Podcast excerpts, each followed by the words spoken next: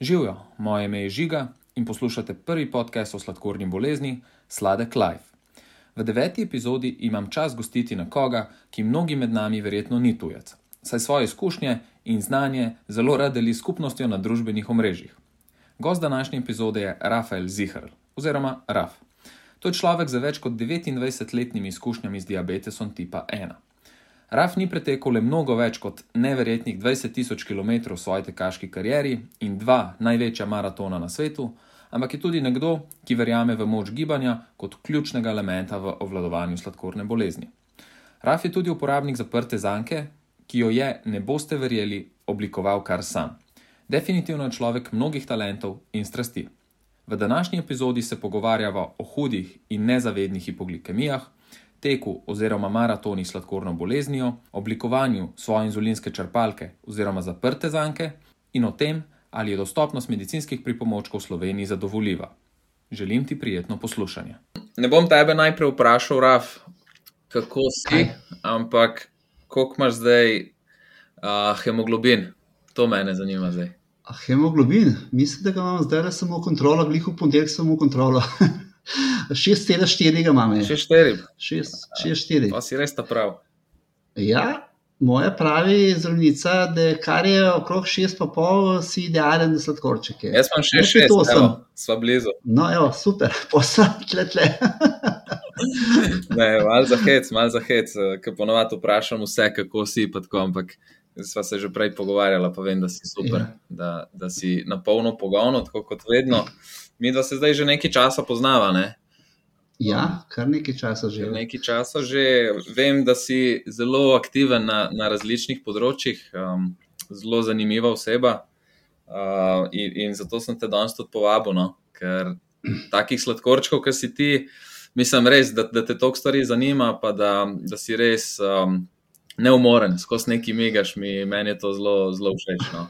Ja, imamo ful, ful veliko zanimanja. Včasih sploh ne vem, kako dan se stavim, ker tako hitro mi ne klik, pa je že zvečer ura. Zdaj imam recimo gliho okupacijo, čez en teden bo ljubljanske maratone, dobro.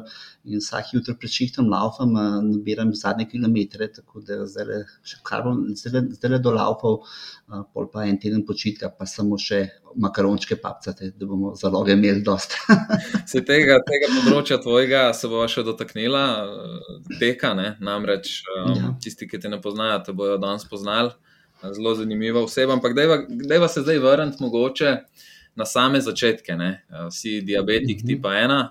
Um, kdaj se je to zgodilo in kakšni so bili te začetki, kakšne spomine imaš, no? če malo orišiš te začetke? Ja, zdaj le bo bilo, februarja bo bilo, naslednje leto bo bilo 30 let, uh, okroglo obhajam glede tega. Začel se je pa tako, kot pri vseh. Šele po 24 letih sem pač fasil to diagnozo.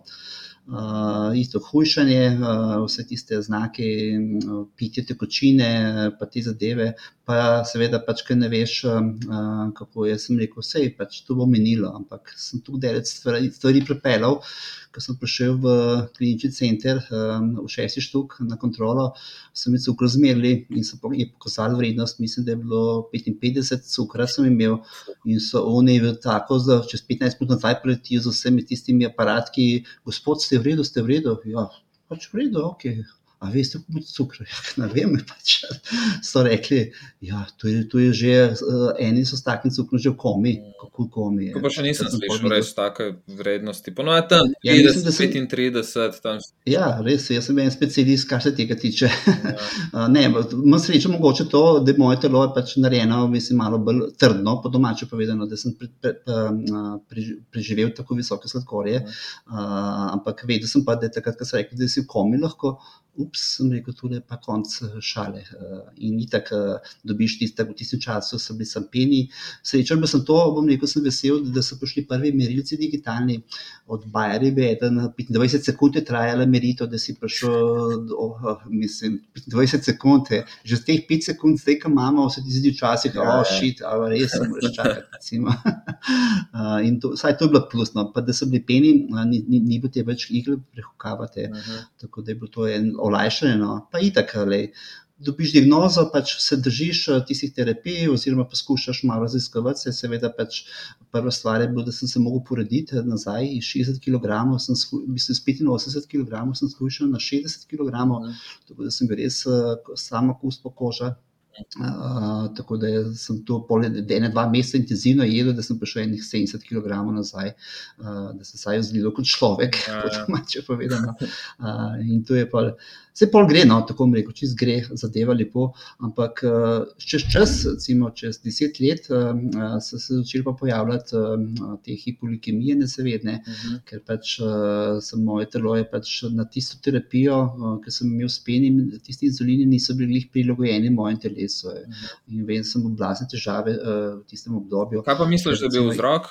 Kaj naj bi bilo? Uh, bi rekel, se mi zdi, da tisti inzulini, ki so bili trenutno, tako sem imel Lantus, pa, uh, novo, uh, pa Humulin R sem imel. Mislim, da je bil, uh, in, uh, je bil ta ki je bil meni tako čudno deloval, ker je začel delovati, začel tako hitro delovati, da dejansko uh, več, ko bi rekel, se mi zdi, da, da se na enoto časa veliko več insulina sprostilo, kot da bi 24 ur deloval. Ko meni, recimo, že 21 ur po, po dajanju večerjem latusa, mi je že podnehal delovanje in so pred spanjem že svoj visoke cukre, samo spet korekcije delate. Hmm. Ja, sem pa na večer korekcije, to je pa neki najslabši. Vse se, se pravi, in potem čez noč hipe in nezavedne hipolkemije, tako da to je tudi tudi te nezavedne hipe. Pol. Ja, ja, ja, recimo, full, full sindrom. Mene so, ker sem v hipo, ni bila una hipica, da pač se malo trese še. Uh mhm. Jaz sem padel dol, sem se v stresu, pena na ustih, vse ti znaki, ki pravijo klinično, kako, najhujše vrste znakov za hipoglikemijo. Mhm. Seveda, hvala Bogu, no, pač zdaj pravijo, da je tudi takih hipe bo kar veliko. Uh, ampak zdaj pravijo tudi študije, da načeloma te tudi, tudi če so tako hude hipoglikemije, ne povzročajo kakšnih možgan, no, poškodb na možganih, kar bi veseli. Ker če bi uh, tisto teorijo držala, bi jaz bil tele mogoče že malo, ja. uh, ne vem, kako bi bilo to funkcioniralo, ker bi se mogli nekaj poznati na, na mojem telesu ja. zaradi takih močnih hip. E, kako si pa, mislim, si imel nekoga v sebi, da, da so te potem rešili s takim? Ja, ja, ja, ja, ja. domači so me pač rešvali, domači so rešvali glede tega, tako da to ni panike bilo. Ampak uh, je pa problem, ker recimo, je meni men, men čisto lepo. Pač zaspiš, se zbudiš, malo te glavo, yeah. Ja. ja, oni pa si bili prestrašeni, uh, pa veš, kaj se bil, nič ne vem. Tisto prebujanje iz hipe je najbolj grozna stvar. Res je, recimo, enkrat pri moji, uh, moji partnerici Eriki uh -huh. uh, sem prišel na obiske in pač tam sedim v eni sobi, vidite, sem že prej nizkega imel, ko sem prišel, pa, pa jem sladoled, uh, gledamo televizor in jaz tako sladoled držim. Pa kar me zmanjka, kar zaspal sem, in se ti sladoled dol topi, in potem sem samo še dol padel in se začel tresti. In potem pride itak poklica svoje rešilce, in pridejo zdravniki, in potem mi dajo tisti glukogon. Pač, pa si že dobil to glukogon. Ja, ja, in potem slišiš čez enih tri minute. Aha, evo, se že prebuje, ker sem trzno, veš, se že prebuje iz globoke tiste kome. O, sem rekel, da je spet hipa. Ja, gospod, se je ustavil, se je, a, sem rekel, ne, ne, tu ne sme se dogajati. Vedno sem takrat rekel, da se ne sme to dogajati. Se mi je še kar enih par takih čudnih hip zgodilo, ker se ne bi smele, pa se je zgodile. No. Pa to si rekel, da pa. Kar povej, kar povej. Ja, v bistvu se pravi, rešitev za mene je bila pol uh, pumpe, ki so prišle, tiste prve pumpe, ki so prišle. Mm. V bistvu pumpe, ta prve ne, so še leta 2008 prišle na pumpo. Uh, pač, na prvi je bilo samo, prvih pet let je bilo samo za otroke do sedmega leta, potem so še zastavili. Na podlagi izkušenj otrok, ki so imeli pumpe mm -hmm. 508, ko, so tudi nam odrasli omogočili, da smo prišli uh, do svojih uh, pumpe, tisti, ki so imeli te indikacije za to mm -hmm. in ti se bilo pač malo lažje. Ja. življenje s tem. Si rekel, da si te probleme s kipom imel po desetih letih. Eh, kaj pa teh prvih? Ja, po desetih letih. Ja. Prvih deset let si dobro vodil. Normalno, normalno, vse delo normalno, sploh nisem videl, da vam sladkorne, po domače povedano. Čist tipična zgodba bi rekel večine diabetikov, recimo. Je. Uh, res, normalno si dal inzulin, lepo je cukor, bil je bil 8 do 10, uh, potem je bil, vem, da je bil pred 15 šel na črpalko, sem imel HB 9, 2 ali 9, pa pol bi imel sedaj HB. Uh -huh. Ker so že poloautomatsko iz strahu pred hipo dvignil sladkor na 10, 11 ja, ja. se varnega počutil in si fural pač normalno, mm. pač life. Uh, Čak, pa ti si rekel, da po teh desetih letih si menil inzulin, ali zakaj, zakaj ne bi se te hipe zgodile? Ne, v bistvu no, telo se navadi na nizke sladkorje. Mene je fulnihalo, recimo, jaz sladko šel na 12, pa je padel na 4, recimo, ali pa 3, pa spet gor, tako da so pač krivole. In potem se telo navadi na, te, um, na zaznavanje nizke glukose. Navadi. Ker jaz vem, prvih 10 let sem še uh, hipoglikemije čist čutil, sem že po 5-0, sem se vse tako tresel. Potem pa naenkrat nisi čutil tega. Ja, ja, potem pa kar, telo se navadi na te niže vrednosti in potem se kar nekaj nekako znaki zagubijo. Vem, sem hodil, dvoskrat sem hodil, pri 3-0 sem normalno funkcioniral kot človek. Recimo, brez težav, da bi bilo kakšne hipoglikemije. Še lepo, ker sem se izmeril s prsta, sem videl, da je cukor 3-0, pa nisem vedel, recimo, to je bila težava. Recimo. Ja, pa si to sem že slišal drugače od, od eh, parih ljudi, da dejansko, kar, kar je. Malo skregano z logiko. Mene so učili obratno. So rekli, da bolj, ko si imaš nekako urejeno eh, sladkorje, ne vem, pri petki, recimo, ali pa ne, tako mhm. zelo, zelo v redu, uh, da boš ja. prej zaznaval te hipe. Ampak eni so mi rekli, da v bistvu, ko so imeli tako idealno tam pet ali pa celo kdaj nižje, da so se izgleda telo navadilo in je v bistvu to za nas res, se mi zdi, za ti penko je to kar preniska stvar. Ne? To je zelo na meji. Ja, jaz pravim, pri petki do, do, do trojke, do štirice si ti tak, lahko pri sedmici, recimo, imaš pa še malo rezerve, recimo, uh, tako le malo lažje. Vse se to, vse, takih hipoglikemije, ki sem jaz imel, jih ima zelo malo diabetikov v Sloveniji, ti pena, recimo, mogoče na 7-2%, vsi ostali imajo uh, tako, so to in take znake, ampak so z veliko bolj blagimi oblikami.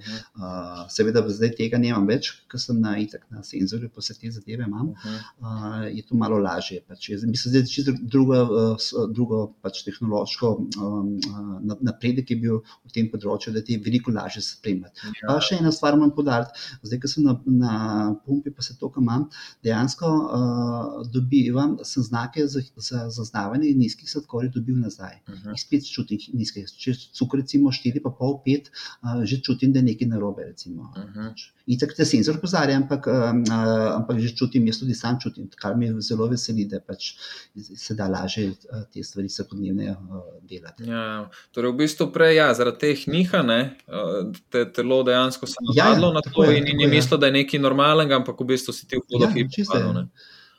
Ja, se je razumljivo. Da mi povej, veš, kaj sem se prej meje. Um, jaz sem se vedno pogovarjal v bistvu z diabetiki, ki so zelo mladi zboleli. Ti si dokaj pozno zbolel, ne?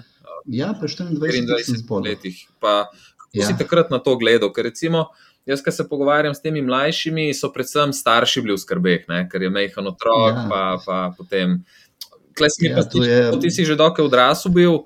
Eh, Hvala Bogu, jaz rečem. Ja. Hvala Bogu, da sem po teh letih zbolel. Če mi je kaj dano, da sem zbolel šele po 24, recimo, če, je kašna, če je kaj prav se zgodilo. Ja. Ker če bi jaz bil zbolel tako, recimo, najstarejših let, recimo 15, 16, 17, to, se, to bi bila katastrofa za, za moje sladkorje, ker sem bil čisto po domače povedano, pač mulčka odrašča, isto, vse neumnosti smo počeli, tako da ne vem, kako bi šel to sladkorno bolezni skozi. Uh. Bi starši že veliko prej osebili, ker so zdaj že sivi. Ja, pa si, pa si v bistvu, mislim, uh, dokaj, dokaj uh, vesel, ja, da, si, da si tako povedal. Ja, mislim, to je normalno, pač, vem, pač vse v naši družini nema nobenega, nobena nema sladkorne. Imam pa brata, mlajšega, tudi ne vem, če ta podatek vejo vsi, uh, vsi se vedno nobenega ne ve, uh, imam brata mlajšega mlajšega leto, pa tri mesece, in je to diabetik tipa ena. Isto. In zanimivo pri nami je to, da sva, jaz sem 1. februarja leta 1994 zbolel, sem bil hospitaliziran v klinični center. Naslednje leto, 1. februar leta 1995, je pa moj brat bil isti dan hospitaliziran v KCU. Res, na isti dan sem bila hospitalizirana in to je tako, potem seveda pač so laborata, doktor Janeš in ja, pa doktor, doktor Janeš naj oba sprejel tam v KCO in seveda pol so raziskovali družinsko deblo, pa se tiste krije mal, pa da se vidi, da, če je tip ena deden, pa sem potem vprašal po nekaj, kakšnem letu teh raziskav, ko so delali, uh -huh. lej, nič ne moramo najti, da bi potrdili ja. tisto znanstveno tezo, tako da na, to je bilo na ključe, oziroma nekaj se je moglo zgoditi. Imam mlajšo sestro, no, sestra pa nema. Recimo, uh -huh. sem po, zgleda, šel sem po moškim, uh, po moški strani, ki je šlo ta zadeva. Ja. Pa recimo, še to je zanimivo, ker sem omenil, da sem cukor 55 imel. Uh, brat je bil pa v čakalnici, ki je čakal uh, na zdravnika, ki so že zmerili cukor, moj, ga je imel pa 35 eh, in je že tam skrb zlezel, reveše. Že tam so ga reševali, hoče povedati, brata, pa kako ima vsako telo svoje dojemanje, kaj je slabo sladkor, recimo, kako uh, pre, prebaviti visoke vrednosti sladkorja. No, različni. Ja. Ej, kako so, sem to sem še hotel vprašati, kako so pa recimo starši uh, reagirali, ko si dubo uh, sladkorno? Ja, mislim, šok je bil ful velik, ful velik je bil šok, je, tako kot za vse starše. Ampak, ko sem dejansko tukaj, star, so, so, so že v bistvu odrasli dobi, pa se mi zdi, da se en ni bil tako grozno, pač se niso dosti pač, um, ukvarjali, razen takrat, ko sem bil hipoglikemija, takrat sem jih delal z nama, z bratom malci, no, kar se tega tiče. Tako da tle, pač, mislim, je bil šok, ampak da bi se preveč sekirali, pa to zakaj, zakaj. Uh Mhm. -huh. lej, jaz pravim, Če mi se to namenjeno, da fašam v tem lifeu, je to minimalna težava, kar se tega tiče. Če ti bo kaj drugega oproščeno, ne? Ja. Kakšna druga stvar. Ej, uh, v glavnem, ti si, ti si tekač, ne? Ti si uh, Ja, tudi tekač, uh, saj za moje razmere, tečeš maratone. Da mi povej Ja, ja, tudi. najprej, zakaj si se tega lotil, odkje je zdaj ta ljubezen, pa kdaj, uh, pa koliko kilometrov si zdaj pretekel, že no, približno. Vem, da si rekel, da Ja, je 20 tisoč, pa da zdaj ne šteješ več. Sploh. Ja, res je. Pri pri 20 tisoč sem nehal šteti, ker se mi zdi že malo preveč. sem- Zdaj sem že mogoče na 25 tisočih, pa ne, ne, ne vem, res ne vem, ne štejem več. No. Ker 20 tisoč cifra je bila to čista taka imaginarna cifra, ki sem začel jaz uh, laufati. V bistvu laufati sem pa začel čisto iz tega preprostega razloga. Ker takrat, recimo, to je bilo zdaj 16 let nazaj, 17 let nazaj, ko sem začel laufati, je, v bistvu, ko imaš otroke, majhne, pa to dejansko se otrokom posvetiš družini, otroci so majhni, nimaš časa za te svoje prostoročne aktivnosti, da bi pač um, uh, laufal. Potem, ko so otroci bili stari 12-13 let, je, potem se pa malo več čas, prostega časa imel in sem ga pač uh, začel v, lauf, v tek sem se odločil. No. Uh, iz čist preprostega razloga, ker takrat sem bil res v slabem, um, uh, rekel, mojem bolezen, glede moje psihofizičnega stanja. Uh, ker je bilo vse narobe, ker sem imel hipoglikemijo, vse to. In potem, takrat je internet prišel v Slovenijo, to je bilo okrog leta uh, 2000, 2002, sem dobil prvi računalnik, pa internet, pa sem malo začel surfati in sem videl, da v Ameriki že diabetiki laufajo maratone. Sem rekel, šit, kako to, kar meni so rekli, strogo, lahko gibaš, ampak čist kratke razdalje, brez uh, kakšnega ekstremnega napora, Mhm. ker boš lahko hipo padel, ok, v redu. Pač, uh, ampak ko ne vidiš, ti pa malo klik da naprej, da pač se lahko da. In sem pač, um, se, pač jaz načeloma nisem bil nikoli tak, kot še športnik v mladih letih. Dobro, telovadba pa tisto sem imel zmeraj uh, same petke, ampak da bi se kaj hvalil s tem, da sem bil aktiven športnik, niti ne, pač, kot je bilo pač tistega nujnega potrebnega zla. Je Ja. za to. Za to. In kot ta laufaš, recimo, oziroma ko sem začel laufati, je bil tudi, uh, jaz, jaz sem nov na vasi in ko sem začel laufati, je, pa kva laufaš še. Imamo dosti dela tle za take, to, to so bile take pripombe sosedov, tiste take, pač se na ta način se še dostkrat smejimo, ker sem mislili, da pač ne vem, kaj bolj pametnega početi. Ja, ja. Ampak dejansko sem videl, ko sem začel laufati, da so se stvari uh, začele izboljševati. Izboljševati v smislu, seveda, takrat ni bil te senzorjev, je bil še merilec s sabo, merilec nosil, pa še med tekom ustavil, pa sem si cukor pomeril. Ker dejansko ni bilo nikjer za- zapisanih, uh, kakšnih uh, zapiskov glede diabetikov, da laufajo, ker takrat res dejansko, mogoče še laufal, ampak uh, ni bilo nikjer zapisanih. Je. In sem sam, sam sebi bil poskusni zajček. Je. In sem mu rekel, sem hočem desetkrat prelaufati na Ljubljanskem maratonu, ne da bi uh, kaj uh, več razmišljal, Ja. ker o maratonih sem imel mnenje, da so to norci. No. Jaz sem ta norc, zdaj bo številka Ja. 51 maratona v Ljubljani. Uh, tako da je tle pač čist. Dejansko je uh, s majhni, majhnimi koraki uh, lahko dereč prideš, sem to kar ste. No, si to sem hotel vprašati. Najbrž nisi začel, mislim, kako je izgledal ta začetek. Okay, videl si tam na internetu, neki v Ameriki tečejo, mogoče bi lahko še jaz. Mhm. Si, kaj si začel to postopoma ali si šel tako? Ja, ja, itak je po par kilometrov, sem na prvo pet kilometrov, pač malo hodil, malo laufal, čisto tako na izi, pač eh, časi, ne vem, kakšni so bili, ker takrat še nisem v teh uh, GPS ur, pa tudi ni bil, ni, ni bil bilo namen, da, da jih spremljam čas, se šele potem, kasneje sem tudi časa malo, rekel, izboljšal hitrost teka. Dejansko mi je bilo pomembno, da pridem nazaj v enem kosu, oziroma da pridem se dobro počutim. Ja. To mi je bilo pomembno. Pa itek sem hitro ugotovil, da če imam sladkor 8, ko grem na tek, po tistih 40 minutah, 45 minutah teka, pridem nazaj, imam sladko 6 ali pa 5. Wow, sem rekel, to je pa super. Mhm. Hitro, recimo, veliko energije pokuriš, po, po oziroma sladkor, kar lepo dol počasi pada, kar laufaš in to se mi zdi ena ful dobra, ful dobra investicija v moje zdravje. Ja. Seveda pa nisem vedel, da pač, če to redno delaš, se tudi ostale komponente v telesu, glede fizičnih, fizične, uh, fizičnih predispozicij, se pač mišična masa povečuje in tle se tudi dejansko veliko krepak za vse ostale dnevne aktivnosti, ki jih pač imaš. Seveda to govori se na dolgi roke, ni tle kratkega roka. Ja, ja. Uh, in telo se zapomni dobre odločitve. Recimo. Zdaj, zdaj, zdaj veliko manj lafo, kot sem lafo pred leti, uh, uh, ampak še zmeraj imam, imam neko solidno kondicijo in to me veseli, uh, da pač bom lahko še naprej lafo. Mhm. Poškop, recimo, poškop nisem nikoli še imel. No. Mislim, da imam kakšnih takih hujših poškop, glede teka. Uh, tako da sem tle bolj rekel, sem kar ena zmernost uvedel. Ja. Ker, recimo, tekači izmeri kolena pravi trpijo, ampak tle pri meni načeloma sem zaenkrat še, moram potrkati. No. Je ok. Ej, kaj pa, kakšne hipe med tekom? Na začetku je bilo kaj tega? Ne, ne, ne, ni bilo, ni bilo. Ni bilo. Ker jaz dejansko, v bistvu, fora tem, jaz laufam aerobno, recimo, v Torej maščobe, ne? močjo, da mi telo kuri lastne maščobe. In to mi je idealni tek. Jaz sem nikoli hitro tekač bil, Ja. eh, ne- kar teče. Sem pa, recimo, sem pa dejansko videl, recimo, ko sem šel uh, pol primeru, ko sem že na maratone laufal, dejansko uh, sem videl, uh, ko sem šel, recimo, že preden sem šel na maraton, sem tudi rekord na polovički dosegel. Uh, je bilo, mislim, da je bilo 41, da imam uh, rekord na polovički približno, uh, to je 21 km. In se spomnim, ko sem prvi maraton laufal, uh, da, je, da sem na te polovičke, ki sem laufal na, na full power, uh, da sem bil veliko bolj na, v cilju zmatran, kot na maratonu. Po štirih urah tega. Ja, bi rekel, ja.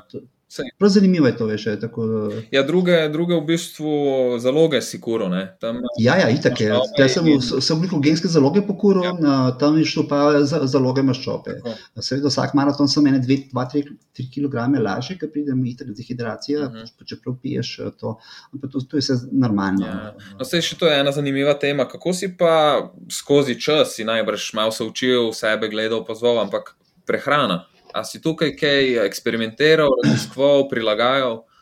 Ne, v bistvu ni, nisem veliko. No, jaz, jaz, jaz imam srečo, da vsi, skoraj vsi geli, ki jih probam, so mi ok. Recimo, ne, vem, da imajo ljudje težave, tekači niso si geli ok. Gele je moja glavna, glavni um, zal- zaloga energije, ko laufam. Pri teh tekih dolgih govorim. Itak za eno uro, načeloma za eno uro tekanja, ki laufam, ne rabim, uh, kakšne, pač imam dovolj zalog, lahko komot brez uh, dodajanja zalog, uh, ki preživim ta tek. Kaj pa recimo prehrana pred treningom, če veš, da bo šel za uro, pa pol v Ja, itak je, ne, ne, načeloma ne. eh, za, za to, pač, nič. Dobro, seveda po kosilu ne grem laufati, recimo jaz, jaz zvečer ali pa zjutraj laufam, je, takrat, ko imaš eh, bolj pražen želodec, tudi je bolj pomembno. Ker problem je tudi ene parkrat laufal, ko sem šel po kosilu, pa mi je hrana v želodcu obležala in je bilo kar malo, eh, kako bi rekel, malo eh, zoprn tek. Se je, ampak malo več napora rabiš. eh. Kaj pa po treningu, nekem napornem ali pa po tekmi, polnjenje teh glikogenskih rezerv, imaš To je nič normalno. Pač, jaz načeloma, kot recimo priporočila pravijo, da po, te, po takem močnem treningu moraš recimo bazale pokrivati za nazaj, bazale pokrivati za nazaj, oziroma moraš paziti, da, da ti sladkor ne, ne poskoči. Mhm. Jaz sem takoj preklopil na normalne svoje bazale, preklopil se nazaj in ni bilo nobenih težav, da bi recimo imel ekstra mogel ki jesti. Ja. recimo. Ali pa da bi imel težave še, še z delovanjem telesa po, po tekmi, da mi pač po ful pobira cukor, Mhm, recimo, da mhm. bi imel hipoglikemijo. Zanimivo, ne? ker jaz pri tenisu sem pa imel, no. sicer je to druga intenzivnost, druga Ja, stres, no, se pravi, pri tenisu je pa veliko bolj ka, na moč tam, ja, tam pa veliko bolj eh, Maščob delaš. skoraj eh. ne kuraš, ne. Uh, mislim, jih, Ja, če ja. tekma traja vem, dve uri, pa pol. Ja, tam je tudi malo se pokura, ampak Uh, ampak ja, meni pa so cukri po, po treningih kar, kar padali, no. zato sem vedno kakšno imel čokoladno mleko, kakšne jogurte, tako da sem čim hitreje dobil Mhm. um, nazaj te pa zapolnil glikogenske rezerve. Ne. Ampak koliko je zanimivo, ja, ker sta čist različna v bistvu tipa športa in potem tudi ta Ja, prehrana. um, Se pravi, to recimo tudi dobro. Mislim, da sem še preden sem začel laufati, sem ene dve leti igral futbol z, futbol s kolegi. Smo igrali futbol tako na, na polovici tega velikega igrišča. In tam sem videl, vse pač je bilo super, ampak tam sem videl, recimo, ta šport, kontaktni, uh, pa šprinti, pa to ja. za moje kolena niso ok. To sem potem gotovo, da sem že v dveh letih tega futbola, se nisem nobene poškodil, ampak sem videl, da prav škotlala sem mi kolena po domačem. Ja, ja, ja. uh, ker nisem gotovo, da to ni neglih. Uh, za moje telo je dobra vadba, je bolj tako enakomerna. Ja, ja. Cukor pa fuzbalo, si opazil kaj? Okay? Ali je bilo? O, ja, ja tam, je, tam je šel pa gor, tam je šel pa gor, tam je šel pa gor, tam je šel pa gor, ker je bilo itak veliko meče. Po vsake treningu je šel gor, smo imeli tiste. Ma dobro, takrat sem bil še v uni fazi, ko sem bil čist neaktiven, tu bil s prijatelji, pa po potekmi pa dva pira, pa akcija. Tako da smo, tisto, kar sem dobrega naredil, sem takoj pokvaril. Ej, veš, kaj sem si še prej zapomnil, da še to vprašam. Um, rekel si, da ko si zbolel, da so ti dejansko tako prepovedali šport, da nekako ja, rekel, da ja, ne smeš. Pač, v tistem času je bilo gibanje za diabetika, za tipa ena, zelo omejeno. Stroka sploh ni rekel, je dala smernice, da treba gibati, samo s kakšnim športom, da bi se ukvarjal ekstra, to ni bilo, celo prepovedano je bilo. Saj tukaj so napredovali od tistih časov, 30-40 eh, let nazaj, ker so sploh, recimo, oni, ki so že zdaj, recimo, 45 do 50 let, diabetiki, uh, so še imeli prepovedano telovadbo v šoli. A celo to? Prepovedali so jim, pač, da ne boš hipo padel. Je. Vse ja, ja. to je bil problem. Ker takrat sem bil tak, tisti časi, že pri meni, spravim, jaz sem srečen, da sem bil na penih, ko sem, ko sem prišli, oni, ki sem jih še preko Haman igel, pa to, to je bilo res eno drugo obdobje, ki jaz, recimo, nisem nikoli uporabljal. Ja. Samo mislim, kako je to grozno. Pred tabo pa je bilo še, da so prekohavali, se spomniš, približno? Ja, mislim, da je bilo okrog leta 88-90, so prišli prvi inzulini v Penih. Penih. Tam nekje je bilo, ja, tako, ja. tam nekje. Sem, ja, se je zanimivo. 90 let je bilo. Sem se pogovarjal tudi s to medicinsko sestro, legendarno Marino. Aha, Ona je tudi aha. rekla, mi je povedala zgodbe, da v bistvu um, so prepovedali puncam, ženskam rojevati ne, v tistih časih. Ja, v bistvu ja, je bilo ja, prepovedano, ja, če, ja. tako, če ima sladkorno, je bilo že označeno prej, da ta, ta otrok ne bo preživel. In, in ja, sem grozen. Glede na to, kaj ja, je bilo zoprno, mislim, res fulovo mito je bilo. Ampak dejansko tiste mito so bile zaradi tega, ker nisem imel tu raziskav, oziroma ja. uh, vse teh, zdaj tu veliko več vejo o tem, o tem kako to stvari laufajo. Ja. Uh, in iz tega stališča je bilo, ker nisem hotel tvega dodatnega Tako. poslabšanja, čeprav načeloma ne bi bilo veliko uh, narobe. Ja. No. Uh, seveda zdaj je itak standardi, kar se tiče teh uh, zaznavanj diabetesa pri ženskah, recimo nosečniški, je tako nizka vrednost, da one morajo biti eh, bolj, bolj zdrave kot zdravi, eh, zdravi ljudje. Res, eh, ja. ti, smajo, ti se pa skoraj malo preekstremno. No, to sem te hotel vprašati, kakšno je tvoje mnenje no, glede tega? Malo preveč se mi zdi. No, ker, recimo, imamo, imamo v šoli pač sodelovke, so pač uh, zdaj le zanosile, pač so, rodile zdravega otroka in ti tako vejo, da sem jaz um, diabetik, pa, sem, pa, so zanosile, pa so ja. takoj dobili diagnozo ja. nosečniški diabetes in vse panične. Ja, kaj sem bil odkril, pa to, jaz sem rekel, punce, ne se sekirate. Vem, uh, ja, pa se me zasekirajo, preveč zasekirajo uh, te mlade mamice, ja. malo preveč. No. Ampak pravi, da, da, je tako postopek uh, optimalen za otroka. Ja. Jaz mislim, da pač tle, bi lahko malo bolj bil tolerantni. Ja, dobiš igli, dobi uh, za cukor, ene celo se in za njim mogli dajati, mogoče mi je res takrat preveč, ampak vse en. Ja.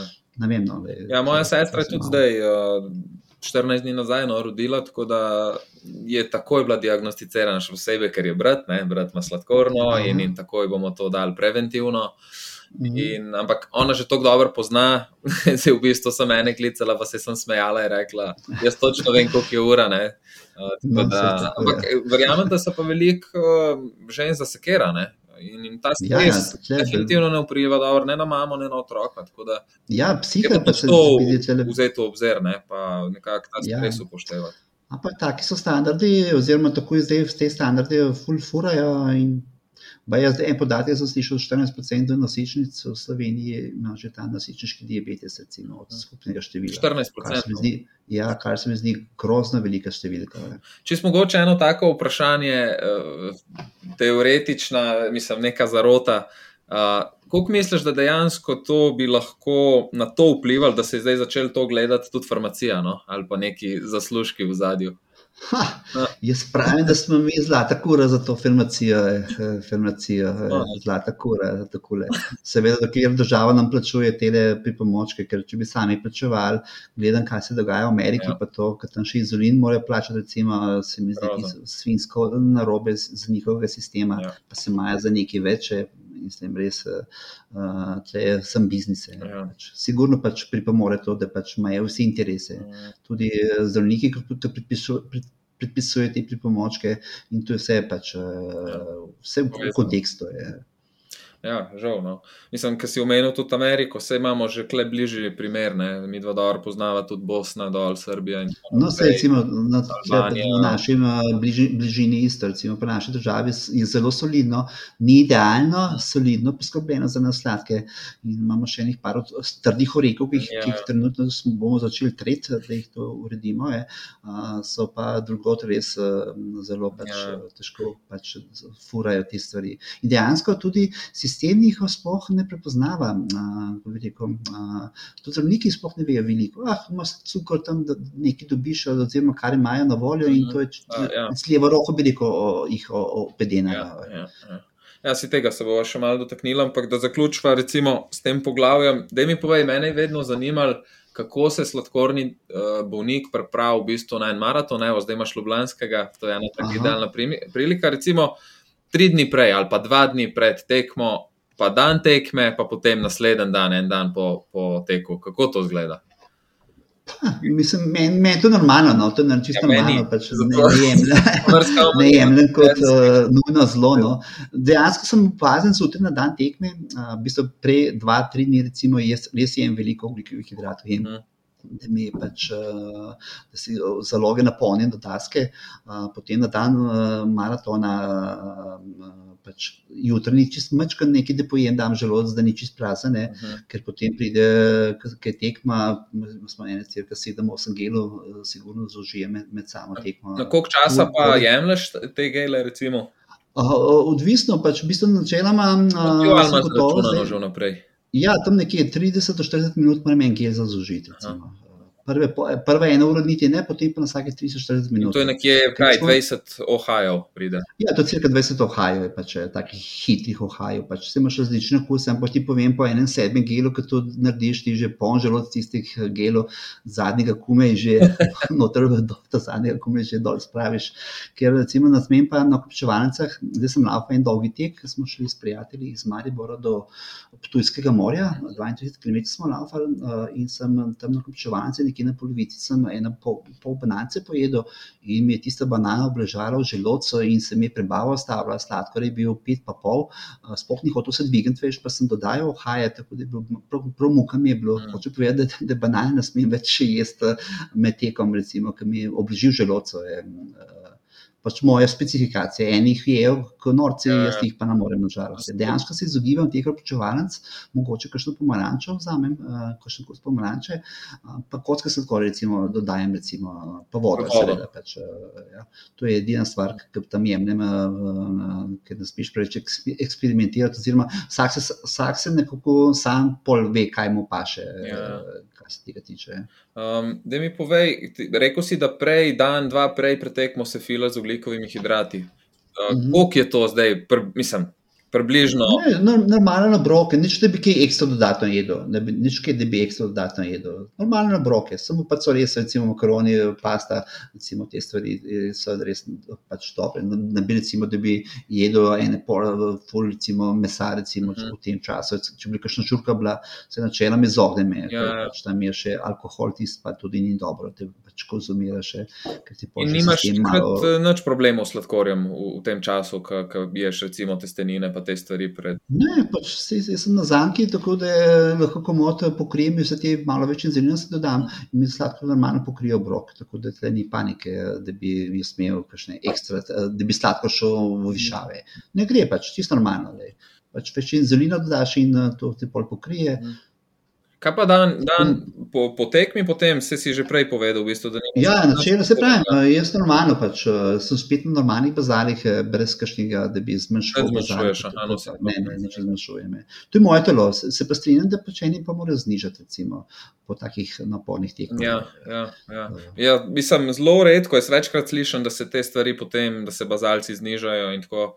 Um, ja. Ampak govoriš, ja, da je tako, da je čisto simpel. ja, meni se zdi, no, čisto simpel. No. Ker sem jaz čisto lajk bil, glede teh zadev, dejansko zdaj ugotavljam, da pač sem že eno stopno naredil, rekel, sem že magi, magisterij naredil na tem področju, še doktorat moram narediti. No. ja, jaz sem to drugače, iskreno cilj, ampak sem rekel po 40 letu, da bom štartil z maratoni, da zdaj bom še te hitre, malo bolj eksplozivne eksplozivne športe mm -hmm. izkoriščam. Ja, super, pametno. pametno. Jaz sem tako prvi maraton prelafal, šele pa, po, že po treh letih, recimo, po, treh, po treh letih otekanja, ko sem začel. Dejansko je eno pravilo, prvih pet let lafaš krajše teke, po petih letih je tvoje telo pripravljeno za maraton. Recimo. Vem, da je pač, uh, sem bil iz vsega uradnicih prvega lafal prvi maraton sem v Radici laufal, tudi prva polovička sem tam laufal. Vem, da je bila ura, prva polovička je bila zanimiva na dota, je bilo ful vroče, bilo, jaz sem šel takrat prva polovička čisto tako. Iz trme, nisem bil pripravljen, sem rekel, nisem pripravljen, ampak grem probati, ker sem vedel, da bom prišel. In tist, da, tisti, tisto soboto, ki je bil v Vrncih maraton, je bilo mesec 35 stopinj, je bilo ful vroče. In uh, jaz laufam, vidim tam pred mano 20 metrov, en tekač, plub dol pade, reve še še ne gremo naprej, še en. Takrat so jih na polovički, mesa, da je enih 50 do 60 odpeljali v cilj dehidracije. Ja. Dehidracija je res fulje bil. Takrat je bilo in moja uh, Erika me čakala v cilju. In vsakeč, ko slišiš rešitve, misliš, da me ne peljajo. Jaz pa počasi. Ja, navajena še odprej. ja, ja, ja, je rekla, Miklovič mi tega ne naredi, ker sem mislila, da, da bom umrla v teh dveh urah, pa, pa 15 minut, ker sem rabo, da sem prišel do cilja. Sem jim bil razlagal, da bo vse vredno, da sem umiril sabo, vse so čisto na izi, ampak hočem pa, takrat sem se zavedal, kaj pomeni, če pretiravaš v svojem tempu, ja. pa dehidracijo, če, če, če premalo vode piješ, kako te lahko hitro spodnese. Cek, ja, odreže, uh, pa sem bil dobro tekače pripravljen, pa sem pripričan, da so bili mogoče boljši celo od mene, mm. ampak uh, ni tako, bi rekel. Moraš, moraš vedeti svoje omejitve v telesu. Ja, mislim, da je to mogoče prednost pri pr nas, sladkorčkih, ker dejansko te stvari testiramo vsak dan, testiramo celo življenje mm. in se veliko ja. bolj naučimo poslušati naše telo. No, se, to, to, to, to je to. Bistvo je, da poslušaš svoje telo. Pa ne govorim samo med tekom, tudi recimo, ko delaš karkoli, in tako vsakih pol ure, enkrat se gura, aha, cukor, aha, pogledaš, kakšen cukor je. Ni to, da bi ga cel dan dal od akta, brez da bi, da bi, da bi niti enkrat pogledal na, na uro ali pa senzor, na, mislim, na merilc, kakšen je ti sladkor, ker to moramo imeti poslušanje svojega ja, telesa, ja. to je ena od glavnih uh, značilnosti, mislim, obveznosti nas sladkih. Mm. Da mi povej še, še to, kaj je projekt Šest zvezdic, tega se lotevaš namreč. to je pa čist, ki si pravim, ker sem šel v uh, ta maratone, uh, pač uh, začel, nisem spoh vedel, ker sem prišel enkrat do maratona in pa sem šel leta 2014 šel v Berlin. Uh, v Berlin, mislim, da sem šel prvič v Berlin na maraton in uh, tam pač videl sem tam Major of Six, je bilo ena serija, kaj je to, ok, ok, nekaj ima ene zvezdice talajo, pa sploh nisem vedel. Ko sem pa dobil rezultat uh, in mi pisali tam, uh, da, da sem dobil prvo zvezdico od šestih, veš, tako da bi še ena posebno znako. To je šest največjih uh, uh, serij, šestih največjih maratonov na svetu in to je ratalo full gibanje veliko. Ful gibanje, to, to recimo zdaj, ko sem bil v Londonu, uh, aprila, so imeli posebej, uh, posebej stolnico za te, uh, ki so dobivali šesto, šesto zvezdico v Londonu, ko so se odločili za London, bo šesti maraton. So imeli poseben štand in so dobivali ekstra medalje, pa plaketo, pa še ne vem, kaj še dobiš. To je v bistvu en tak veliko. Uh, uh, izziv za te maratonce, ki tu greš. Uh, Berlin je prva moja, London je druga zvezdica. Zdaj imamo Ameriko na razporedu, Chicago, New York, pa Boston so, pa, pa za konec je pa še Tokio. Sem se odločil, da bo Tokio zadnji bil in jih pač jih bom počasi nabiral. Se pravi, zdaj v šestih letih, sedmih letih sem dve nabral, tako da bom jaz to počasi nabiral, vsakih par let enega. To so, to so dejansko šest največjih maratonov. Ja, največjih maratonov. 50 do 60 tisoč tekačev na takem maratonu. Vidite, do 6 tisoč folka tu gor, to je logistika. Bi rekel, recimo v Ljubljani bo bilo nas 12 tisoč ali 14 tisoč na, na maratonu, pa polovički, od tega nas bo bilo, meni se samo ene 2000, 2500 maratonov, vsi ostali so polovičkari. Uh, tam je pa samo maraton razdalja. Samo maraton, 60 tisoč ljudi pride. Ja, ne šlivijo več te polovičke. Imajo teke, ampak na drugih dnevih je. Ker uh, to je res tako uh, doživeti, oziroma avtorme za veli, veči, večino teh um, ljudi ljudi, ki to naredijo. V Sloveniji je še kar nekaj zvezdic, ima že vseh šest. Medka Albrecht, mislim, da je prva bila, ki je to naredila, vseh šest zvezdic naredila na teh maratonih na svetu. Da je prva slovenka, ona je to naredila. Zdaj jih je pa kar še nekaj dodatnih. No. Jaz mislim, da bom prvi te veti bil v Sloveniji, ki bo to naredil. bravo, bravo. Ne, res fascinantno. No. Um, kdaj pol uh, računamo šesto zvezdico, kdaj imaš cilj? A, Tokio, jaz sem rekel, zdaj recimo, jaz tako malo se hecam, ker dejansko pravim to, kar zdaj delam. Recimo, zdaj sem imel prispevek na 24 ur, sem imel prispevek, spet kanala, so ravno o tem, smo se tu pogovarjali, pa ni omenjeno bilo. Uh, sem rekel, da to, kar je zdaj, zdaj le laufam, se dobro počutim, imam odlične rezultate, uh, glede vodenja sladkorne bolezni. Uh, to, pravim, to je naložbo moje zdravje za prihodnost. In želim pri 75 letih, ko sem že bil nekaj časa v penziji, glih v Tokio, iti takrat v Tokio, šesto zvezdico dobil uh, in da bom tam prišel do cilja z šesto zvezdico. Ker Tokio ima eno specifiko, kolegica je že šla in je rekla, tam Japončki vsi masovno grejo, hodijo, tam spoh ni pomemben čas, vsak ga spremljajo cilje, pa so vsi veseli za vsakega. Več. Tudi 80 ur recimo se matrajo, da pride do cilja. No, jaz upam, da bom prej prišel na vse, ampak če bo te jo, tudi s palčko pridem do tega. boš, boš, definitivno. Um, zdaj pa ena stvar, ki je po mojem, osebno tudi meni, pa verjamem, da tudi ostalim diabetikom najbrž zelo tuja, ampak zna biti zelo zanimiva. Torej, ti si se lotil. Um, kako se to po slovensko sploh reče, do it yourself, zaprte zanke. Aha, um, torej, ja. Da si si jo sam nekako sestavil, sprogramiral, kako koli. Ja, res je. Zaprte zanke na, na inzulinski črpalki. Dej pet čisto ja. osnov mogoče, um, sploh zakaj si se tega lotil, kdaj pa kako to zgleda no, v praksi. Ja, v bistvu, ko bi rekel, zadeva je zelo zanimiva. Uh, mislim, ta, uh, ta naša, ker to je neuradna zaprta zanka, ker stroka je kao ne priznava, čeprav so že naredili študije uh, z, z, z ljudmi, ki so na tej zanki in so rezultati še boljši kot od uradne, od uradne zanke, ki je dostopna pri nas. 780, ke, tako da se ta stvar dela. Uh, v bistvu je bilo pa fora o tem, jaz sem bil pred petimi leti povabljen v Zagreb, Zavčko društvo diabetikov, Davor me je povabil in bil tam srečanje teh luparjev, sem imel eno tako in v Kino dvorani v Zagrebu, jih je bilo nas 600 mesecev v tisti dvorani. Luparji so kot zaprta za njih. Ne, v bistvu luparji, pač luparji so bili že prvi, luparji so bili, ene, tri, štiri so bili, uh, ostali so še zmerno črpalkah. Bo... Kaj sem povedal, kaj luparji pomeni? Verjamem. Ja, lupani, lupari, oziroma ljudje, ki, ki smo na zaprti zanki, uh, v smislu, da, se, da ti avtom, avt, avt, algoritem sam dodaja inzulin, glede na višino sladkorja, ki ga imaš. Uh -huh. To je čisto tako osnovno. Ja, ja, ja. In to pri nas imamo uh, zdaj trenutno samo eno tako črpalko. Ja, ja sem eno tako, imamo je urad, urad, uradna stvar.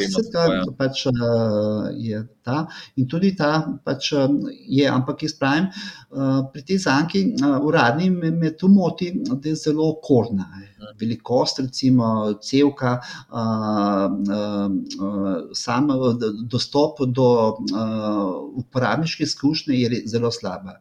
Ker jaz pravim, v dobi telefona, pametnih telefonov, da moraš na čopalko iz pasu vleči, pa tipkati, in, uh, koliko inzulinov, koliko ugljikovih hidratov rabiš, uh, je, je malo staromodno, -huh. pri meni pa se na telefonu. Jaz smo se na telefonu ali pa recimo na uri. Recimo, pač. Ja, to sem videl na zadnje, da si dejansko se poigral. Ja, res, recimo, te stvari. Lahko inzulin preko ure si daš ali kako? Ja, tudi res lahko dam telefone. Mislim, tudi preko, preko res lahko dam inzuline. Res. Eh, Tako da mi to ful, eh, uporabiš izkušnje probleme. Mhm. Pač, eh, in sam se lahko narediš, oziroma tehnično gledano, mogoče tisti, ki, ki bi rekel, ki pač imaš ene osnovne računalniške znanja. je- Jaz sem rabo, kakšen 14 dni sem rabo, da sem se naštudiral, kako to laufa. Dejansko si sam od sebe sem pač to se lotil. Bi- Bil sem drugi v Sloveniji, ki je to zanko imel. Zdaj nas je že, meni se zdi, več kot okrog 70 nas je na, na te di close loop eh, Ja, zanki. snesek že. Ja, koliko 70 nas je, in uh, rezultati ljudje so, recimo, ful veseli, da imajo, recimo, eh, ker jaz jim tudi pomagam, recimo, pač, eh, in predstavim zanko, eh, sami naredijo, jaz jim pa malo jih vodim skozi ta postopek, da ne imajo tako težav, kot sem jaz imel, recimo, Ja, ker recimo pri tej zanki moraš imeti tudi ustrezen telefon. Jaz vem, da sem takrat imel Huawei in uh, sem si naštimal in mi ni delal, ker je bil telefon uh, neustrezen uh, za ta zanko. Sem mogel na enega kita, drugega Kitajca, ja. uh, pa je do, dobro delal, glavne take tehnične uh, ovirce. Mhm. In vem, recimo, ko dobimo odziv ljudi, um, rekla mi je Saša, uh, veš, Raf, odkar imam to zanko, končno po 15 letih uh, ali 20 letih sladkorne, spim po noči. Mhm. Prej pa vsakih par ur se zbujala, ker eh, je imela težave s glede hipoglikemije. Ampak tu Pa druga mi zaprta, torej uradna črpalka, ki ima zaprto zanko, ni ustrezala, je ali kako. Ne, ne razumem, katera. A je že, že testirala potem, mislim, prej imela sploh? eh, Ne, ne, ni, ni imela, ni imela, ni imela, ni imela. Imela samo senzore, imela pa črpalka, imela ker recimo te ko- komponente, določene komponente, ki so dostopne na trgu, recimo Roševa pumpa, Insight Combo, pa G6 senzor, em, zdaj, ki ga imamo, se da to sk- skupaj povezati, da ti deluje prek telefona, algoritma na telefonu, ki je pač ta algoritem, se poveže v zanko. eh, Ker zanimivo je to, recimo pri teh zankih, to, da to zanko, doutor? To close loop varianto so naredili diabetiki, IT-ovci, ki imajo to sami sladkorno in so hoteli, uh, pač so se dobili ljudje na, na ključnih, to je, mislim, da je leta 2015 je ta zadeva začrtala, Mhm. ker prvi recimo modeli in prvi modeli teh črpalk so bili, uh, so bili ful dodatnih komponent, uh, pa še prenosnik si rabo, da si cukor gledal gor, Mhm. uh, cukor gledal gor na prenosniku, zdaj paš pa to vse na telefon. Zdaj greva mogoče, jaz res ne poznam do, dovolj tega, pa verjamem, da tudi Mhm. noben, da veliko drugih ne pozna.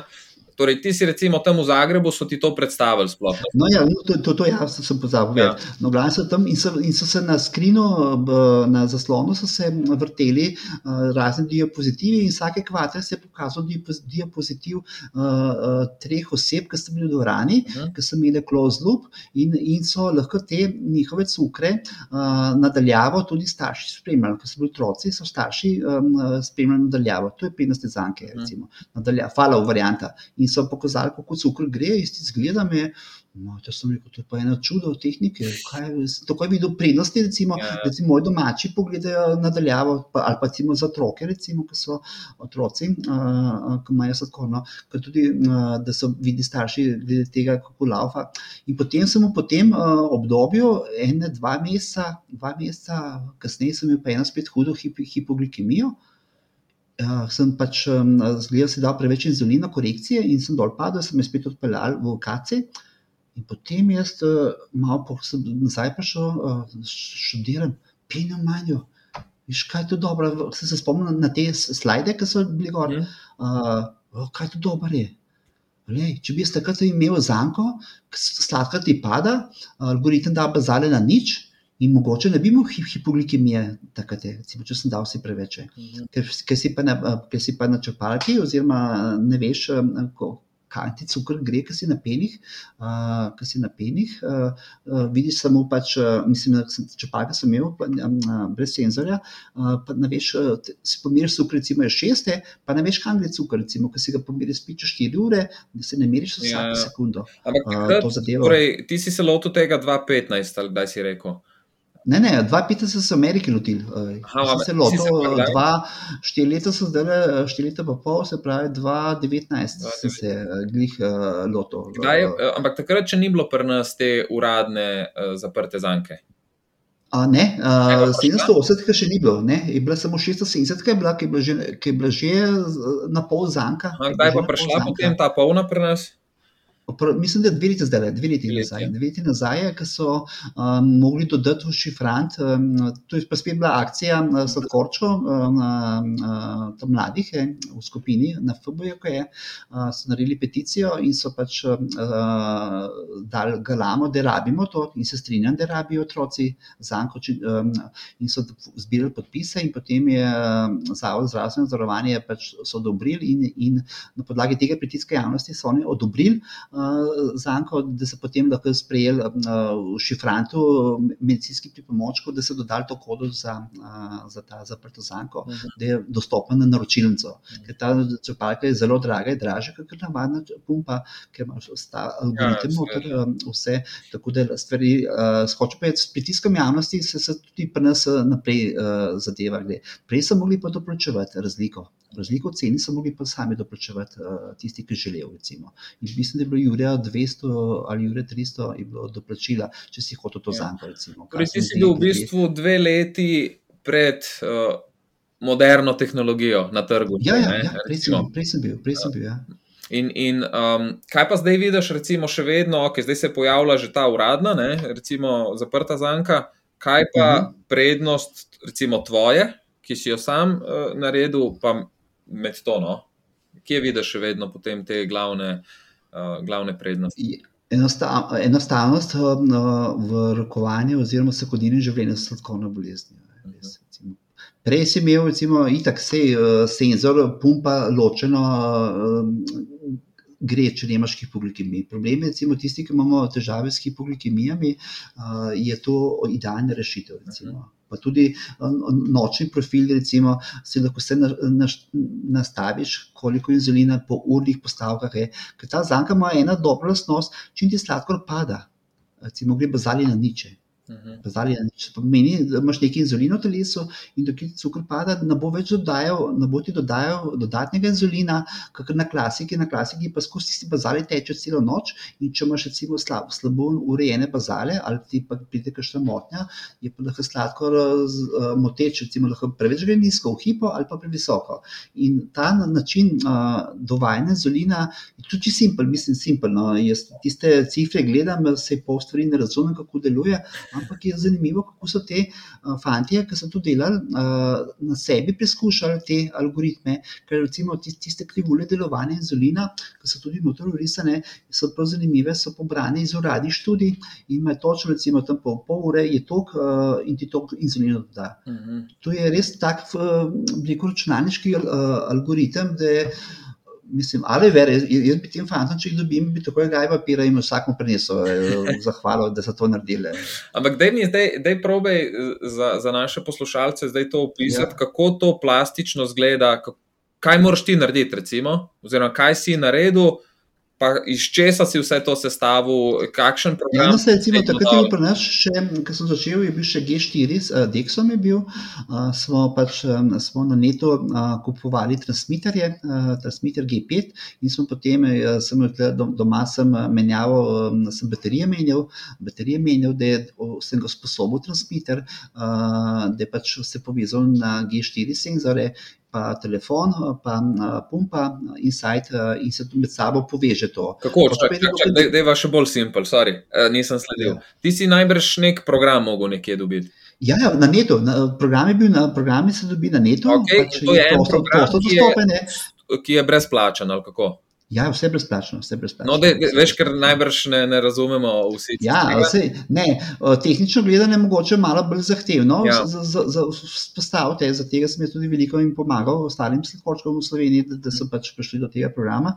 Uh, in potem se vsak sam naprej svojo uh, zgodbo fura. Okay. Kako povežeš in kaj povežeš, je, je stvar, uh, pač so različne kombinacije. Eni imajo kombo, eni imajo insighte, uh, eni imajo libre, eni imajo G6, recimo, hmm. se povezuje to se lahko vse med sabo povezuje. Ampak ta program, ki si ga dol potegnil, torej kam ga najprej naložiš, potem na telefon? Na telefon, na telefon, vse lahko na telefonu. Na telefonu. Prek te tehnologije Bluetooth uh, se pač povezuje med sabo, seveda deluje uh, to, dokler ti telefon dela, moraš imeti soliden telefon, uh, ne unga osnovni model, malo dražji ga moraš imeti, ker recimo meni, recimo, uh, začer, ker grem spat, imam še 10% baterije, recimo. Uh -huh. Jaz sem zjutraj polnega imel, ker kar veliko uh, baterije ti pokuri. Recimo, Bluetooth, ne, Bluetooth, Se pravi, ampak telefoni so zdaj, rater, ko bi rekel, niso več tako ja, da. stroški, ker so um, zmogljivi, skoraj vsi že. Uh, Seveda, moraš pa malo gledati, kaj ti všeč. Vsi pa niso dobri, Ja, nažalost. ja. Kaj pa, Vsak mu reče, najprej pove, kaj boš kupil, potem ti pa jaz povem, aj ok, izbira. torej ti potem, um, s katerimi črpalkami pa je to povezljivo? Z roševimi črpalkami Inside pa Combo, ki sta pri nas na trgu bili dostopni, uh, pa še en kup unih dan je, korejskih je, korejski dan, zdaj prihaja na tudi nova verzija.